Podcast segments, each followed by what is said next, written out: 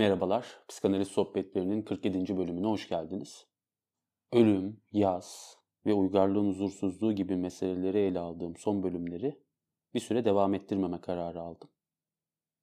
Bunun yerine bir seminerde uzun uzun anlattığım Elaka'nın en önemli metinlerinden bir tanesi olan The Direction of the Treatment metnini, yani Türkçesiyle, uzun haliyle tedavinin yönü yönetimi ve gücünün ilkeleri metniyle devam edeceğim. Bu metinde Lacan'ın Uluslararası Psikanaliz Birliği ile olan sıkıntılarından tutun da karşı aktarım, kısa seans, özne, arzu, L şaması, analistin konumu, yorum, aktarım gibi temel konulara değiniyor Lacan ve ben de size bunları aktarmaya çalışacağım. Bu seri boyunca iki tane konuğumuz olacak. Biri psikiyatrist Sinem Acar, konuşmanın ilk kısımlarında Sinem Acar'ın neyden bahsedeceğini sizlere aktarıyor olacağım. Diğeri ise klinik psikolog Ece Gündüz. Ece Gündüz'ün bahsedeceği konuyu da ilerleyen dakikalarda sizlerle paylaşıyor olacağım. Bugün sizlerle Lacan'ın yazılar metninde yer alan metinlerden, temel metinlerden bir tanesini ele alacağız. Bu metnin adı Tedavinin Yönü Yönetimi ve Gücünün İlkeleri. Lacan'ın aslında yazılı olarak bıraktığı tek eser diyebiliriz bu Ekri yazılar metnine. Bir de sonradan Diğer Yazılar diye bir kitabı daha yayınlandı. Çünkü Lacan genelde metinlerini aslında yazmıyor. Lacan'ı verdiği seminerlerden biliyoruz daha ziyade. Ve genelde bunların notları üzerinden, bunların dinleyenler tarafından kaleme alınmış şekilleri üzerinden Lacan'ın metinlerini biliyoruz. Lacan'ın yazıları görece daha az seminerleriyle karşılaştırdığımızda. Tabii bu yazıların bir özelliği var. Lacan biliyorsunuz genel olarak okuması, anlaması pek kolay birisi değil. Yazılara gelince işler daha da karmaşıklaşıyor. Çünkü seminerde yine Lacan bir konuşma halinde olduğu için yer yer daha basit, daha gündelik bir dile geçebiliyorken yazılarda işler biraz daha karmaşık hale gelebiliyor. Ama bu size bugün bahsedeceğim metnin yine temel özelliklerinden bir tanesi Lacan'ın yazıları içerisinde de en anlaşılır metinlerinden bir tanesi olması. Yani hem en önemli metinlerinden, özellikle erken Lacan'ın en önemli metinlerinden bir tanesi, hem de e, görece anlaşılır metinlerinden bir tanesi. Bu iki oturum olacak. Bu metni size iki oturumda anlatacağım. Ve ilk oturumda daha ziyade tedavinin nasıl yönetilmesi ya da yönetilmemesi gerektiğini, yani aktarımın ve yorumun nasıl kullanılması gerektiğini konuşacağız ve yorumun tedavideki işlevini ele alacağız. Bu oturumun sonunda Sinem bize yine bu metinde yer alan ve Lacancıların da bahsetmeyi fazlasıyla sevdiği bir vakadan, Ernst Chris'in taze beyin vakasından bahsedecek ve Lacan'ın bu vakada yanlış giden şeyler üzerine yaptığı yorumları ve acting out, passajalakt gibi kavramları Sinem'den dinleyeceksiniz. İkinci oturuma geldiğimizde ise tedavinin yönüyle ilgili konuşacağım. Çünkü Lacan, özne ve arzu alt başlıklarından da anlayacağınız üzere psikanalitik tedavinin egoyu değil özneyi, bir tür toplumsal uyumu, bir tür özdeşleşmeyi, bir tür ego idealini değil, arzuyu hedeflemesi gerektiğini söylüyordu. Ve bu oturumda bununla ilgili birçok değini duyacaksınız benden. Bu oturumun bir yerinde de Ece bize özne ve arzunun psikanalizde nasıl ele alındığını göstermek için Freud'un rüyaların yorumunda yer alan meşhur kasabın güzel karısı vakasını anlatacak ve hem Freud'un hem de Lacan'ın ufuk açıcı yorumlarını bizlere aktaracak. Böylelikle de benim daha teorik olarak anlatacağım meseleleri iki tane birbirinden önemli vakayla desteklemiş olacağız. Ben bu konuşmama öncelikle bu metnin tarihsel bağlamından bahsederek başlamak istiyorum. Çünkü bu metnin yazıldığı tarihte olup bitenler ve Lacan'ın bu metinde dile getirdiği savlar, Lacan'ın neden IPA'den, IPA ne IPA, yani Uluslararası Psikanaliz Birliği, post-Freudyenlerin aslında Freud'un kurduğu ve sonrasında devam eden bir uluslararası kurum. Lacan'ın neden IPA'den ayrı kendi yoluna gittiğine dair bize birçok veri sunacak. Bu tarihsel bağlam ve bu metin. Ve size göstermek istediğim şeylerden bir tanesi de Lacan'ın IPA ile yaşadığı sorunların kişisel sorunlar olmadığını, bu sorunların derin teorik ayrımlardan ve bir psikanalitik tedavinin neyi hedeflemesine hedeflemesi gerektiğine dair varılan radikal olarak farklı bir takım sonuçlardan kaynaklandığını göstermek olacak. Yani mesele Lacan'ın birileriyle anlaşamaması değil. İlla ki anlaşamıyordur ama mesele bundan çok daha fazlası. Lacan bu elinizdeki metni 1958 yılında kaleme alıyor. Aslında 1956 yılından itibaren bu metni yazmaya başlıyor. Farklı farklı parçalarını ama böyle en rafine halde elimize 1958 yılında ulaşıyor. 1958 yılından 5 yıl önce yani 1953 yılında ise IPA'ya bağlı Paris Psikanaliz Topluluğu'nda oldukça önemli bir ayrışma yaşanıyor. Aslında IPA'ya bağlı Fransa'da bir tane topluluk var o zaman Paris Psikanaliz Topluluğu. 1953 yılında burada önemli bir kırılma yaşanıyor. Psikanaliz pratiğine ve eğitimine yönelik anlaşmazlıklar neticesinde Lacan o sıralarda başkanlığını yürüttüğü Paris Psikanaliz Topluluğundan istifa etmek durumunda kalıyor. Yani başkanıyken Lacan istifa ediyor bu toplulukta. Sonrasında Daniel Lagache ve François Dolto gibi önde gelen psikanalistlerle birlikte Fransa Psikanaliz Topluluğu adında yeni bir oluşum kuruyorlar. Ve bu yeni kurulan kurum IPA'ye angaje olmak yani bir anlamda üye olmak için çabalıyor. Fakat başlangıçtan itibaren IPA'nin içinden gelen güçlü bir dirençle karşılaşıyorlar. Ve bu direnç özellikle Lacan'ı hedef alıyor. Nereden anlıyoruz Lacan'ı hedef aldığını ondan da bahsedeceğim size. 1963 yılına geldiğimizde anlıyoruz aslında neden Lacan'ı hedef aldığını. 63 yılına geldiğimizde IPA bu yeni topluluğa şöyle bir şart sunuyor. Sizi kabul ederiz ama tek bir şartla. Tahmin edin bu şart ne? Lacan'ı kovarsanız, Lacan'ı aranızdan çıkartırsanız sizi bu topluluğa kabul ederiz diyorlar. Ve bu aslında tarihsel olarak da Lacan'ın yarıda kalmış Babanın Adları seminerini verdiği zamanlara denk geliyor. Yani Lacan bu sıralarda IPA bünyesi altında Babanın Adları seminerini veriyor. Ve ilk oturumdan sonra bu ayrılık yaşanıyor ve Lacan bu semineri yarıda kesiyor. Babanın adlarının Türkçesi de var sanırım Monokale yayınlarından da.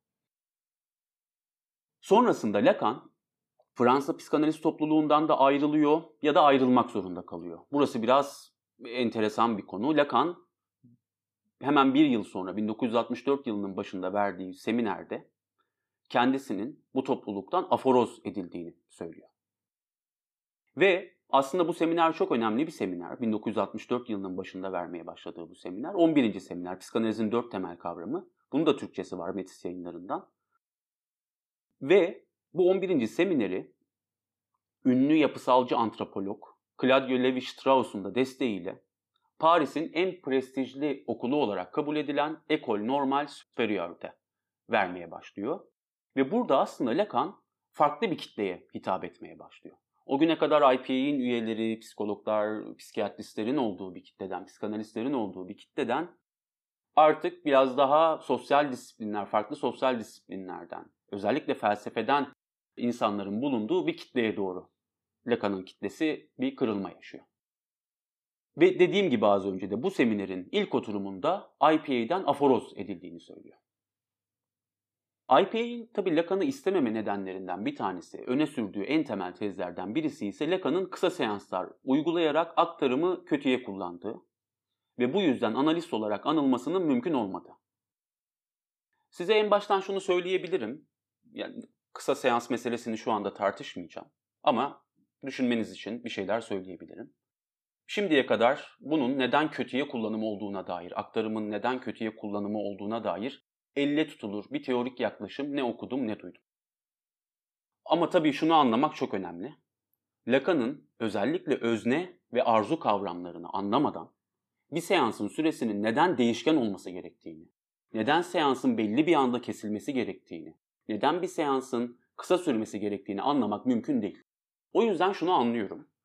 İlk kez karşılaşan birisinin özellikle 45 dakika 50 dakika sabitlikte bir tedrisattan geçmiş, böyle bir tedrisattan geçmiş birisinin bunu çok garipsemesini anlıyorum. Ve Lacan'ın bu uygulamasının biraz garip göründüğünü ya da norm dışı göründüğünü ve bir tık garip gelebileceğini anlıyorum. Ama Lacan'ın özne, arzu, kastrasyon gibi kavramlarını anladıkça bir seansın kesilmesine neden e, gerek olduğunu anlamanın daha kolay olacağını düşünüyorum. Peki tekrar 1953 yılına geri dönelim. Neydi Lacan'ı ve arkadaşlarını 1953 yılında Paris Psikanaliz Okulu'ndan ayıran şey? İlla ki kişisel anlaşmazlıklar vardı. Bu zaten vardır, her zaman oluyor. Ama bunlar bizi ilgilendirmiyor. Şunu çok net söyleyebilirim ki mesele sadece kişisel anlaşmazlıklardan ibaret değil. Mesele çok daha fazlası. Ve bu, bu metni aslında bu ayrışmaya neden olan teorik farkların yer aldığı bir metin olarak da düşünebilirsiniz. Sadece bu metin mi? Değil. Bu metin sadece bu teorik farkları ortaya koymak için mi yazılmış? Hayır değil. Ama çok temel olarak bu farklara da refer eden ve neylerin farklı olduğunu Lacan'ın anlattığı ve çağdaş psikanalistleri, özellikle Fransız psikanalistlerini eleştirdiği bir metin olarak da düşünebilirsiniz. Ve bu metinin temel fikirlerinden, temel izleklerinden bir tanesi de şu, Fransız psikanalizinin Amerikan psikanalizinin güçlü etkisi altında olduğunu öne sürüyor Lacan. Amerikan psikanalizi dediğimizde de aklımıza gelen ilk şey ego psikolojisi, ego psikanalizi, Anna Freud'un başını çektiği ve öğrencilerinin e, ilerlettiği ekol. Ve Lacan özellikle bu ego psikolojisine yönelik eleştirilerini sıralıyor ama bir yandan da nesne ilişkilerine yönelik eleştirilerini de sıralıyor. Bu metin toplamda 5 bölümden oluşuyor. 5 ana bölümden oluşuyor. Ve özellikle ilk 4 bölümünde Lacan'ın yorum, aktarım ve analistin tedavideki rolü ve işlevi üzerine eleştirilerini ve katkıların, düşüncelerini görüyoruz. Genel manada metnin tarihsel bağlamı bu. Böyle bir atmosferde, böyle bir konjonktürde Lacan bu metni kaleme alıyor. Ve hatta bu metni de yine bir konferansta sunuyor Lacan. Bu kadar uzun sunuyor mu emin değilim. Metnin birinci bölümünün başlığı şu. Günümüzde analiz eden kim? Direkt bir soruyla başlıyor Lacan metnin başlığına. Ve bu bölüm, birinci bölüm toplam 7 alt başlıktan oluşuyor. Bu alt başlıklardan birincisine şöyle başlıyor Lacan. Karşı aktarımın psikanalizdeki kullanımını eleştirerek başlıyor. Bakın zaten çok temel bir çatışma hattından başlıyor bütün hikaye. Çünkü birçok psikanalitik ekolde karşı aktarım aynı aktarım kavramı gibi, aynı bilinç dışı kavramı gibi, aynı direnç kavramı gibi tartışılması mümkün olmayan temel kavramlardan bir tanesi olarak anılıyor.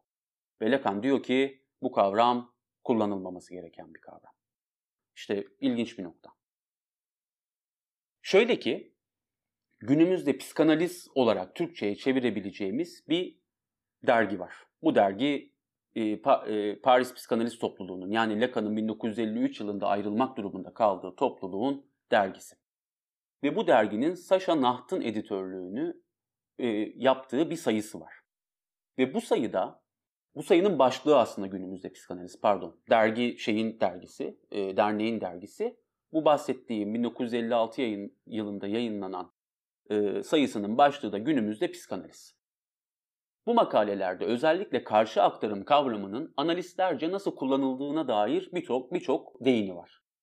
Ve Lacan bunlarla ilgili yorumlar yaparak başlıyor.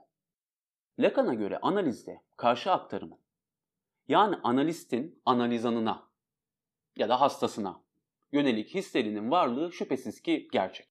Yani Lacan şunu demiyor. Bir analistin analizanına karşı hissettiği, danışanına, hastasına karşı duyduğu hisler yoktur demiyor.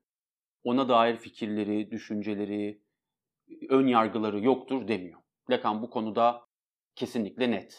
Zaten böyle bir şey düşünülemez. Sonuçta analist de bir insan. Lacan'a göre bu şüphesiz ki gerçek. Ama Lacan bunların analizanın bilinç dışıyla ilgisi olmadığını, bunların analistin ön yargılarından, yerleşmiş fikirlerinden kaynaklandığını söylüyor. Ve Lacan'a göre karşı aktarım ego düzeyinde, imgesel ve bir analitik tedavi imgesel düzeyde yürütülemez. Analiz simgeselle ilişkili. Peki güzel.